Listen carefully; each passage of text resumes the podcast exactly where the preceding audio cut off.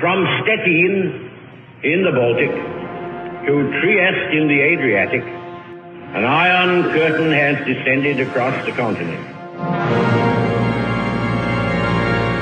Robeža starp austrumiem un rietumiem, starp padomju totalitārisma un brīvo pasauli. Dzels priekškars. Pirms 80 gadiem tas nolaidās pār mūsu reģionu, pirms 30 gadiem tas krita. They rushed over to us and said, Well, 10 minutes before the wall came down at Bornholmer Straße. Un tomēr dzelzs priekškars joprojām met savu ēnu mūsu šodienā.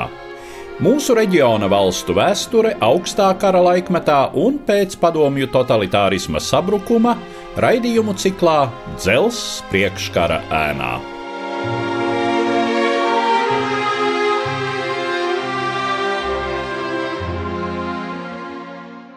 Labdien, cienījamie klausītāji! Mūsu šodienas raidījums veltīts Ungārijas attīstībai laikā pēc Otrā pasaules kara. Protams, ka šīm desmitgadēm varam pieskarties tikai ļoti konspektīvi. Visu Ungārijas padomju posma vēsturi varam iedalīt divos spilgti atšķirīgos posmos - līdz 1956. gadam, kad Ungāru nācijas sacelšanās kļuva par spilgtāko kādas padomju satelītu valsts mēģinājumu izrauties no Kremļa hegemonijas, un pēc šiem notikumiem. Līdzīgi kā citās Centrāla Eiropas valstīs, arī Ungārijā tūlīt pēc Otrā pasaules kara notika demokrātiskas iekārtas atjaunošanas mēģinājums, izveidojot koalīciju starp tobrīd neatkarīgo sīkīpašnieku partiju un Ungārijas komunistu partiju. Tomēr komunisti jau tūdaļ uzsāka savu koalīcijas partneru izspiešanas politiku, balstoties valstī dislocētās padomju armijas, padomju drošības sabiedrības struktūru un diplomātiskā spiediena ietekmē. Ar izdomātām apsūdzībām nekomunistisko partiju līderi cits pēc cita tika represēti un deportēti uz Padomju Savienību vai devās trimdā, un pāris gadu laikā visa vara valstī faktiski nonāca komunistu rokās. Komunistiskā partija absorbēja Ungārijas sociāldemokrātisko partiju 1948. gadā izveidojot Ungārijas darba ļaužu partiju, Nākamajā gadā komunistu režīms panāca Ungārijas republikas pārveidi Ungārijas Tautas Republikā. Tās priekšgalā nostājās zvērināts staļinists Matjāš Šrakoši.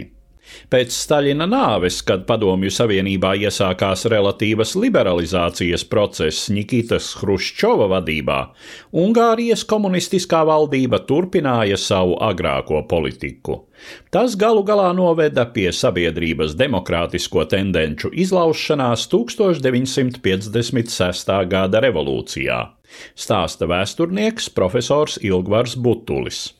Protams, 56. gads Austrum Eiropā tas ir īpaši sarunas vērts.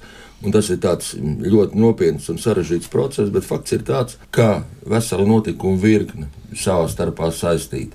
Tas ir jautājums par to, kāda būs tālāk šo tā saucamo sociālisko valstu padomju savienības satelītu politika, kāda būs viņa atkarības pakāpe no padomju savienības cik lielā mērā šo totalitāro politisko iekārtu, totalitārismu, varbūt aizietos drusku mīkstākas, autoritāras formas. Tagad pēdējie pētījumi ir interesanti, ka lūk, ne tikai tā tāda jau Maskavā, teiksim, šī Hruščova runa 56. gada 20. kongresā, tad notikumi Polijā, notikumi arī Ungārijā, bet ir pat ziņas tagad un vesela virkni pētījumu, kā ir ietekmējusi, piemēram, Polijā Poznaņas sacelšanās strādnieku 56. gada vasarā, un pēc tam arī Ungārijas notikumi. Dzīve ir pārunāta, un pat šā tā ir ietekmējuši arī strādnieku kustību Ķīnā. Tas ir tāds grandios process, kurš vēl līdz galam varbūt nav apjauts, bet tie runā konkrēti par Ungāriju. Jautājums ir tāds, 56. gada oktobra beigās un novembra sākumā, kādu ceļu viņa tālāk ies, un vai šis Ungārijas piemērs,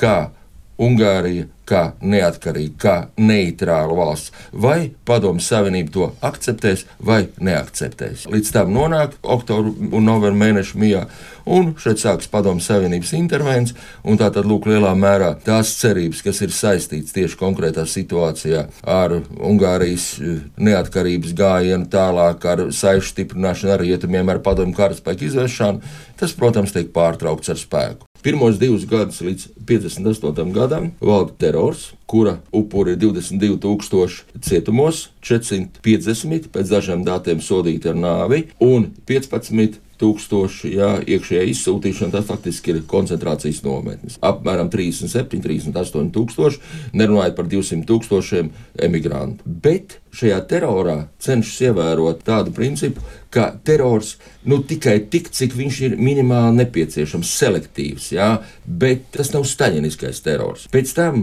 58. gada šis terors tiek jau mazināts un 65. gadā notiek vispārējā amnestija, bet galvenie uzdevumi, kurus sev sprauž valdība šī komunistiskā, ir jāpanāk, lai tauta uzskatīt tomēr šo režīmu par leģitīmu, lai atbalstītu, lai nekad nepieļautu tādas svārstības, tik nestabilu situāciju, kā tas bija 56. gadā, un lai celtu iedzīvotāju dzīves līmeni.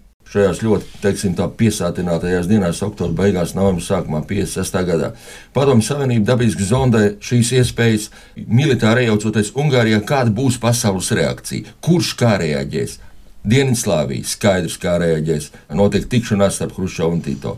Un šī soļas krīze, kas arī notiek, protams, nesaskaņot, nu, bet tā tas ir, viņa padomju savienībai kā reizi ir izdevīga, ja no šāda viedokļa. Daudz mazāk iespēja vienkārši iejaukties, neiet runa par bruņotu iejaukšanos, bet kaut kāda spēcīgāka, varbūt propagandistiska no rietumu puses, jo patiešām rietumi ir sašķelti. Viņus nodarbina soļas jautājums, un, protams, Lielbritānija un Francija, un arī pat Vācijas, varbūt Federatīvo republiku, vienkārši nav laika par to runāt, bet arī lielā mērā nodarbina vairāk varbūt šīs soļas problēma. Tas ietverās tātad šīs konsultācijas ar Ķīnu.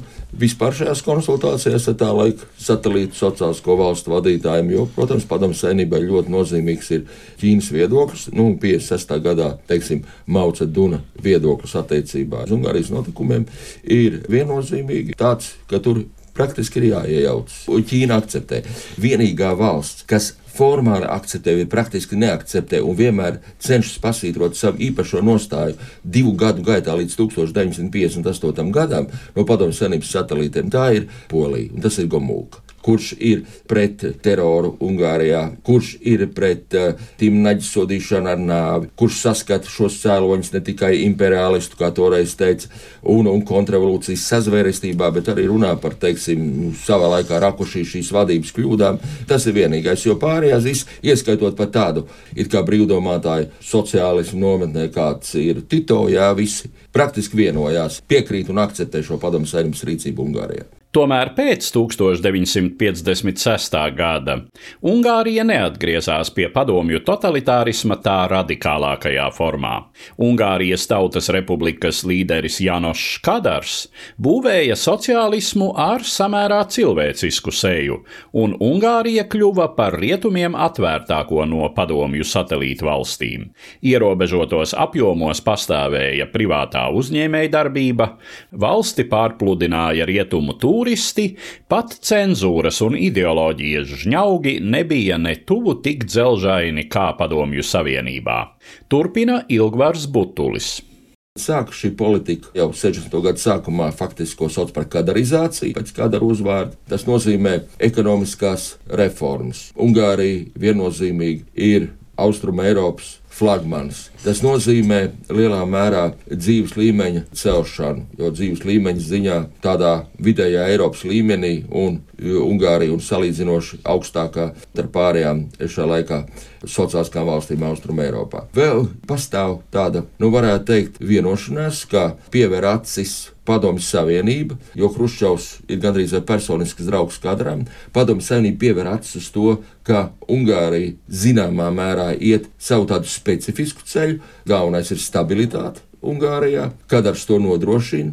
Nekad Kadars neapšauba padomu savienības vadošo lomu, Varšavas līguma eksistenci un Ungārijas teiksim, līdzdalību tajā un sociālismu iekarojums kā tāds. Tas netiek apšaubīts. Bet lūk, šajos ietvaros lielāka uzņēmuma patstāvība, lieliski attīstīta lauksaimniecība, piemēram, izveido piespiedu ziņā kooperatīvus, bet pēc tam 15% no zemes tā paklusām atdod šiem zemniekiem, lai viņi apstrādā. Varēja būt pushektārs katram, un 40 līdz 50% dota lauksaimnieciska produkcija. Bez tam arī diezgan patstāvīga ārpolitika un izveidojas interesanta situācija, ka Kadars, kurš uzskatīts tiek 50. gadu beigās par marioneti jā, no rietumu puses. 70. gadu sākumā jau kā visu cienījams, pragmātisks līderis tiek pieņemts rietumu Eiropā un, un arī sarunās ar Savienotām valstīm.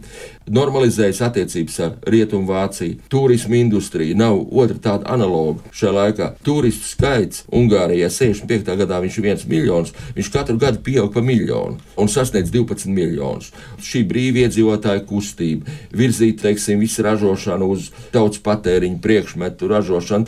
Nu, šeit plaši pazīstamais Ungāru kino zelta laiks, arī literatūras šīs diskusijas. Ungārija varētu teikt tāds brīvības priekšpostens. Protams, tas viss ir ne tik vienkārši, tas ir sarežģīti, tas ir ar atplūdiem, jā, 70. gadu sākumā, bet uh, līdz pat 80. gadiem šis process ir, un neapšaubām šeit arī ir kadram, protams, kā personībai loma. Kadarizācija ir ārkārtīgi interesants process, par to varētu daudz runāt. Jānoša Kadara ēra noslēdzās ar viņa aiziešanu no valsts un partijas vadības 1988. gadā, un nākamajā gadā Ungārijas komunistiskais režīms sarunu procesā nodeva varu labējai opozīcijai. Notika valsts mierīga pārēja uz rietumu demokrātijas un brīvā tirgus modeli. Par Ungārijas attīstību pēdējās desmitgadēs mana tiešsaistes saruna ar politologu Rīgas Stradiņa Universitātes Eiropas studiju fakultātes dekānu Andris Prūdu. Ungārijas starta pozīcijas bija pietiekoši labvēlīgas. Labvēlīgas gan no ekonomiskā viedokļa, kas nav mazsvarīgi, jo tas ir gan par ekonomikas struktūru, gan par cilvēku domāšanu. Jo, ja mēs runājam par tā saucamo gulašu sociālismu, tad tas pieļāva zināmu privātu īpašumu klātbūtni, tas nenoliedzami, ka tomēr nu, deva tādu pamatu, kā izvērsties. Arī tas, ka, mm, protams, ka politiski nu, šeit bija diezgan pamatīga vienotība tajā ziņā, ka ir jāvirzās uz eh, demokrātisku valsti, kas ir tālāk arī no padomi bloka, jo, ja mēs skatāmies geogrāfiski, tad salīdzinoši Ungārija ir tādā Eiropas jau centrā ar Eiropas eh, centra geogrāfiskā un politisko tradīciju klātesamību. Un arī 1956. gads ir jāatcerās, ka tas, protams, ir bijis tāds traumātisks gads Ungārijas tautas vēsturē, kad šīs, nu, teiksim tā, sociālisms ar cilvēku seju tika apspiests un eh, nenoliedzam, ka mm, tas arī atstāja iespēju uz to, ka nu, vēlme iet pēc iespējas ātrāk prom no šī sociālisma bija klātesoša. Bet arī, protams, bija pretēji spēki vai tendences, ka šis sociālisms nu, nekad Ungārijā nebija tik nelabvēlīgs, kā tas varbūt bija citās eh, padomju valstīs. Un tāpēc bija arī, protams, cilvēki, kuriem sociālisms vai sociālistiskā Ungārija nodrošināja zināmu komfortu. Jā, acīm redzami, sākot būvēt tirgus ekonomiku, lielai daļai Ungāru sabiedrības zuda šis agrāk pastāvējušais komforts, un eh, zaudējumi šķita pārāk jūtami, savukārt ieguvumi no pārējas uz tīro brīvo tirgu pārāk mazi. Attiecīgi, apmēram pirmos 15 gadus pēc padomju sistēmas sabrukuma bija vērojama tāda regulāra politisko spēku nomaiņa katrā nākamajā vēlēšanu ciklā, un arī zināma ieilgusi ekonomikas stagnācija. Tomēr, kas attiecas uz valsts ārpolitisko orientāciju, tad tā visumā iekļāvās bijušo padomju satelītu valstu pamatvirzībā, un Ungārija iestājās gan NATO, gan Eiropas Savienībā.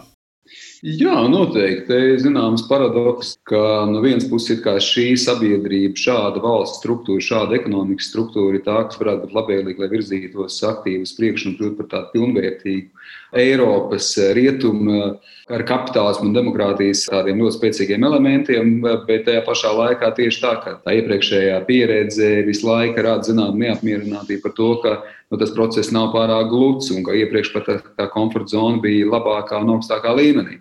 Valdībās eh, noteikti ir bijis ļoti klātesošs sociālais elements, sociālās stabilitātes, ekonomiskās stabilitātes elements, vai tā ir bijusi sociālistu partija, kas gan 90. gados bija pietiekoši spēcīga, gan īpaši tā bija 2000. gada sākumā, pirmajā desmitgadē, faktiski valdošā partija, valdošais politiskais spēks.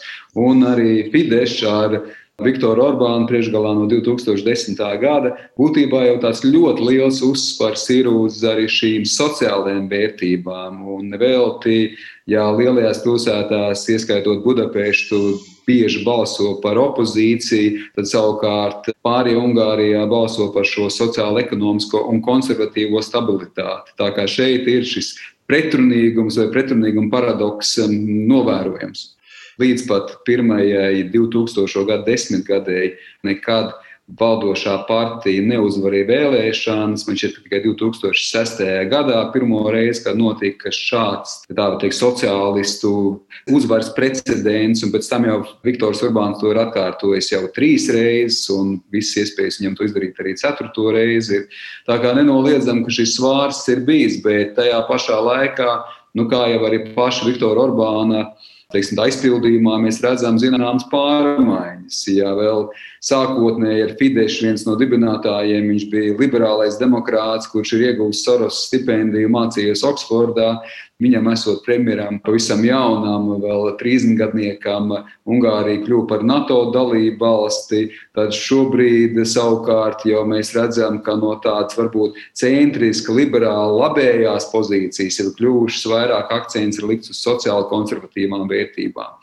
Tā kā šeit arī ir pat konkrēto politisko spēku ietvaros arī izmaiņas un arī, zināmā veidā, tāda pārgrupēšanās. Un sociālisti faktiski ir pazuduši no politiskās scēnas, lai gan pirmās divas desmitgades viņi tiešām bija ļoti klātesoši un nozīmīgi spēlētāji. Tas, kas nenoliedzami ir arī svarīgs Ungārijas gadījumā, ir nacionālais jautājums. Nacionālais jautājums no Ungāriem vienmēr ir bijis tāds mobilizējošs jautājums. Jāatcerās, ka ļoti daudz Ungāru dzīvo ārpus Ungārijas teritorijas, ir īpaši, protams, ka Rumānijā, Transilvānijā. Etniskais jautājums, nacionālais jautājums. Tas ir bijis klātesošs eh, vienmēr un ļoti spēcīgi. Protams, ka vēl papildus to ir pastiprinājusi arī šī migrācijas krīze, ko ar Ungāriju izbaudīja pēdiņās vai ar, teiksim, ar to miedarbojas. Tas noteikti bija formatīvs elements tādā politiskajā spektrā. Un, ja vēl tā pavisam plašāk liek, nu, protams, ka Ungārija, kas atzīmēja savu tūkstošu gadu pirms 20 gadiem, tad šis valstiskuma un impēriskuma un suverenitātes elements, un to mēs arī novērojam miedarbībā ar Eiropas Savienību. Tā kā zinām popularitāti, pretnostatīt sev pret citiem centriem, tas ir arī daļa no politikas, ko mēs Ungārijā redzam, ko arī ļoti veiksmīgi Viktors Urbāns ir instrumentalizējis un izmantojis. Jā, runājot par Viktoru Orbānu un viņa partiju Fidesz, kas ir pie varas Ungārijā nu jau vairāk nekā desmit gadus. Kā veidojās šīs partijas politiskā platforma, kura tagad sastāv no nacionālisma, no diezgan radikāla konservatīvisma un arī no dāsnas sociālās politikas? Viens ir pati Viktora Urbāna personība. Viktors Orbāns, eh, nu, viņu sauc zināmā veidā par tādu uzbrukošu tipu spēlētāju, kurš ir gatavs uzņemties iniciatīvu, kurš ir gatavs nu, iesaistīties šajā ofensīvā, šajā gadījumā politiskajā ofensīvā. Un e, viņš ir vienlaikus ļoti pragmātisks politiķis, kurš spēj pielāgoties, kurš izjūt varbūt tā konkrētā brīža pieprasījumu. Un konkrētā brīža pieprasījums ir, kad viņš nāca, pats nāca pie varas 2010. gads. Jāatcerās, ka tā ir ekonomiskā krīze. Un nenoliedzam, ka šīs ekonomiskās krīzes viļņa bija pieprasījums pēc ekonomiskās, sociālās stabilitātes, atkal to, ko mēs jau sākotnēji diskutējām, ka Ungārijā šis labklājības valsts elements ir kaut kur asinīs jau vairākas paudzes, ka tomēr ir pietiekoši sociāli, ekonomiski labvēlīga vide, un līdz ar to, protams, ka šie sociāli ekonomiskie jautājumi bija svarīgi. Un nenoliedzami arī pats Orbāns redzēja iespēju izslēgt no spēles sociālistus, kas ir būtībā notika, pārņemot kaut kādu daļu no sociālistu retorikas. Bet vienlaikus, protams, ir šī ekonomiskā un finanšu krīze, un tas jau neatiecās tikai uz Ungāriju, bet veicināja tomēr tādu zināmu pašpietiekamības un suverenizācijas tendenci visā Eiropā ko vēl jau vairāk pastiprināja migrācija. Tā kā tās tendences, kas bija gan pašā Ungārijā, gan arī plašāk, kas izrietēja no finanšu un ekonomiskās krīzes, pēc tam jau migrācijas krīzes, gan paša Viktora Orbāna personība, gan to, ko viņš ļoti pragmatiski saredzēja, ka šī ir tā niša, ko šobrīd var pārņemt tieši ar šādu kombināciju. Nu, te es domāju, ka nekas pārsteidzošs nav un nav viņš vienīgais piemērs. Nu, vēlreiz turpat kaimiņos Jaroslavs Kačinskis, Lekačinski jau bija pie varas bijuši 2000. gada pirmajā desmitgadē, un pēc tam jau savukārt eh, tika ievēlēti 2015. gadā, tika būtībā pārvēlēti jau uz tā otrā viļņa, kas lielā mērā bija saistīts ar Viktoru Urbānu Ozvaru. Nevēlt arī līdz ar to šīs vēsmas no Budapeštas ieradās arī Varšavā, un mēs tagad redzam šīs divas valstis ar zināmām arī, es domāju, simpātijām citās valstīs, ieskaitot tā skaitā Latvijā pret šādām te tendencēm, pret šādu sociāli konservatīvu nacionālo politiku. Bet nācis pie varas, Viktors Orbāns sāka šo varu konsolidēt, izmantojot metodes, kas tiek uzlūkotas kā Eiropas Savienības demokrātijas standartiem neatbilstošas. Tā ir tiesu varas pakļaušana politiskās varas kontrolē, un tā ir mediju telpas pakļaušana. Šajā gadījumā veidojot tādu politiskajai konjunktūrai pietuvinātu mediju monopolu, kas ar pārpirkšanu un ar tam līdzīgiem paņēmieniem izspieda no tirgus opozicionāros mēdījus. Kāpēc Orbānam bija nepieciešama šī demokrātijas un tiesiskuma sarkano līniju pārkāpšana savas varas konsolidēšanai? Te, protams, ir perspektīvas arī jautājums, jo jā, pats Orbāns ir izteicies par to, ka nu, daļēji šis ir iliberālo vai neliberālo demokrātiju laiks, eh, lai gan no arī kā tiek eh, vērtēts, ka negluži viņš, protams, domā, ka tas automātiski nozīmē kaut kādu autoritāru iekārtu, bet ka vienkārši ir jāliek uzsvars ne uz gluži šīm pilnīgi liberālajām vērtībām, kurā katrs ir par sevi un eh, kā saka, kolektīvu kopējās vērtības netiek respektētas, ka tomēr jāņem vērā, ka valstī ir zināma atbildība par sociālo ekonomisko labklājību, ka valstī lielā mērā ir atbildība par to, lai tradicionālās vērtības tiktu arī saglabātas, nevis teiksim, tās tiktu pakļautas tādām pilnīgi liberālām vēsmām. Un vēl jau viņa paša stipendijas piešķīrējs šobrīd ir otrādi kļuvis par nu, gandrīz vienu no galvenajiem tādiem idejiskiem pretmetiem. Džordžs Šorosē gadījumā ir domāts.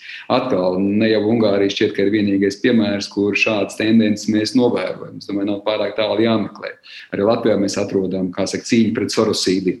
Vienlaikus arī Orbāns, man šķiet, ka viņš ir bijis pietiekoši veikls un viltīgs to divu līmeņu spēli izspēlēt. No vienas puses, tomēr iegūstot tiešām tos procentus, kas viņam ir, absolūti konsolidējot, maigi izsakoties varu un izveidojot nosacījumus, kur ir ļoti grūti opozīcijai, ja tā var teikt, pilnvērtīgi funkcionēt un izaicināt šo Fidešu arī varu. Mēs redzam, ka tie procenti vēl pieaug pēdējās vēlēšanās, un paskatīsimies, kā būs tās drīzumā pēc pusgada. Un eh, vienlaikus ar Eiropu tomēr tā izspēle nav gluži jau tāda, ka teiksim, tā Eiropā ir pilnībā iespējas pateikt, tagad viss ir skaidrs, šeit ir balts un savukārt jums ir melns. Un eh, pat ja Fidesz ir izstājies no tautas partijas grupas, eh, tomēr tajā politiskā procesā ir klātesoši un Ungāri ignorēt nevar. Tagad izskatās, ka priekšplānā kā teiksim, tā, kritizētākais skolnieks vai dalībvalsts ir Polija. Un kaut kur jau pat paradoxāli, ko arī Viktors Orbāns var teikt, ka to, ko es arī pats teicu, ka, ziniet, nu, redziet, mēs redzam, zinām, unkarizāciju attieksmē pret migrāciju, ka tā siena, ko Orbāns uzbūvēja un teica, ka tieši tā kā Eiropas ārējā robeža, tad jārūpējas par šo ārējās robežas drošību. Un līdz ar to šobrīd mēs redzam, ka kaut kur jau kaut kādas valsts pat ir sakojušas Ungārijas piemēram, un atkal nav tālu jāmeklē, kurā arī salīdzinoši liberāli vadīta iekšlietu sistēma Latvijā seko šim piemēram daudzos, daudzos aspektos par žogu būvniecību. Respektīvi, tā kā es domāju, ka Urbāns vienmēr ir spējis kaut kur nobalansēt un arī apzinājies to, ka neviegli, ja teiksim, tā Ungārija ir atņemta kaut kādas balstiesības, jo vienmēr būs, protams, ka Polija, nevienmēr iespējas atņemt finanšu resursus, pat ja šobrīd mēs redzam, ka šis atvesļošanās plāns nu, buksē vai vismaz līdzekļu piešķiršana buksē attiecībā gan uz Poliju, gan arī uz Ungāriju. Un skatīsimies, kāda būs tā tālāka attīstība. Un tāpēc nevelti man šķiet, ka pēdējā laikā Fidesz un Orbāns ir tomēr salīdzinoši nu, pieticīgāk tajā savā izteiksmē, un, kā jau minēju, Polija ir gandrīz uzņēmusies šo vairāk kritizētā dalībvalsts statusu. Un vai tu esi gatavs iezīmēt kādu Ungārijas politikas tālāko perspektīvu kontekstā ar Eiropas Savienības un Ungārijas attiecībām? Es sākšu varbūt ar um, vienkāršāko. Es domāju, ka mm, kopumā, ja mēs redzam Polijas miedarbību, Ungārijas miedarbību ar Eiropas Savienību, protams, un arī Covid krīze nu, kaut kur netieši liecina. Es negribētu teikt par tādu zināmu lūzumu punktu uz otru pusi, bet tomēr tas, ka tā zināmā veidā suverenitātes elements, pašpaļaušanās, pašpietiekamības elements, viņš ir pietiekoši spēcīgs. Un līdz ar to tā diskusija arī par tām funkcijām, kas var tikt attiecināts uz valstīm, uz dalībvalstīm, pārnacionālās funkcijas, kompetences vai starpvaldību kompetences. Es domāju, ka šeit vairāk tas akcents varētu pat likt likts uz starpvaldību teiksim, kompetencēm, kas nozīmē to, ka valstīm nu, nepieļaus tālāk tādu ļoti ciešu integrāciju un uzspiešanu. Tas neatiecās tikai uz Ungāriju un Poliju. Man šķiet, ka tas ir jāņem vērā, ka tas hibrīd modelis Viņam visticamāk kaut kādā jautājumā būs varbūt arī pat integrācijas elementi, bet uh, tas eh, noteikti lauku nenotiks. Daudzos jautājumos būs pat tieši otrādi pretēji efekti, kurā valsts centīsies, kā saka, to savu suverenitāti pasvītrot. Līdz ar to es domāju, ka izējot no šīs plašākās tendences, man nešķiet, ka Ungārijas un Eiropas Savienības vai Budapestas, Briseles attiecības, nu, ka viņas nonāks kaut kādā kritiskā momentā, kurā mēs runāsim par Ungārijas izstāšanos no Eiropas Savienības vai Polijas izstāšanos no Eiropas Savienības. Man to ļoti grūti iedomāties, jo nav tendence tāda, ka Ungārija šobrīd absolūti stiprina savu suverenitāti un, ja sāk, var teikt, unilaterālo vienpusējo rīcību, kamēr Eiropas Savienībā viss integrējās. Tā nav. Un, līdz ar to es domāju, ka šeit būs zināma līdzās pastāvēšana pat ja sarežģīta. Par to ilgtermiņu, nu jā, tas pats jautājums noteikti citās valstīs, it īpaši šajā gadījumā Polijā un Ungārijā. Tas, ko abu valstu līderi ļoti veiksmīgi realizējuši, zināmā veidā tā ir politika caur konfliktu, politika caur pretīm nostatīšanu, politika caur zināmu populismu un vairākumu apmierināšanu, ir tīpaši šo sociālo, ekonomisko un tā skaitā arī identitātes vērtību.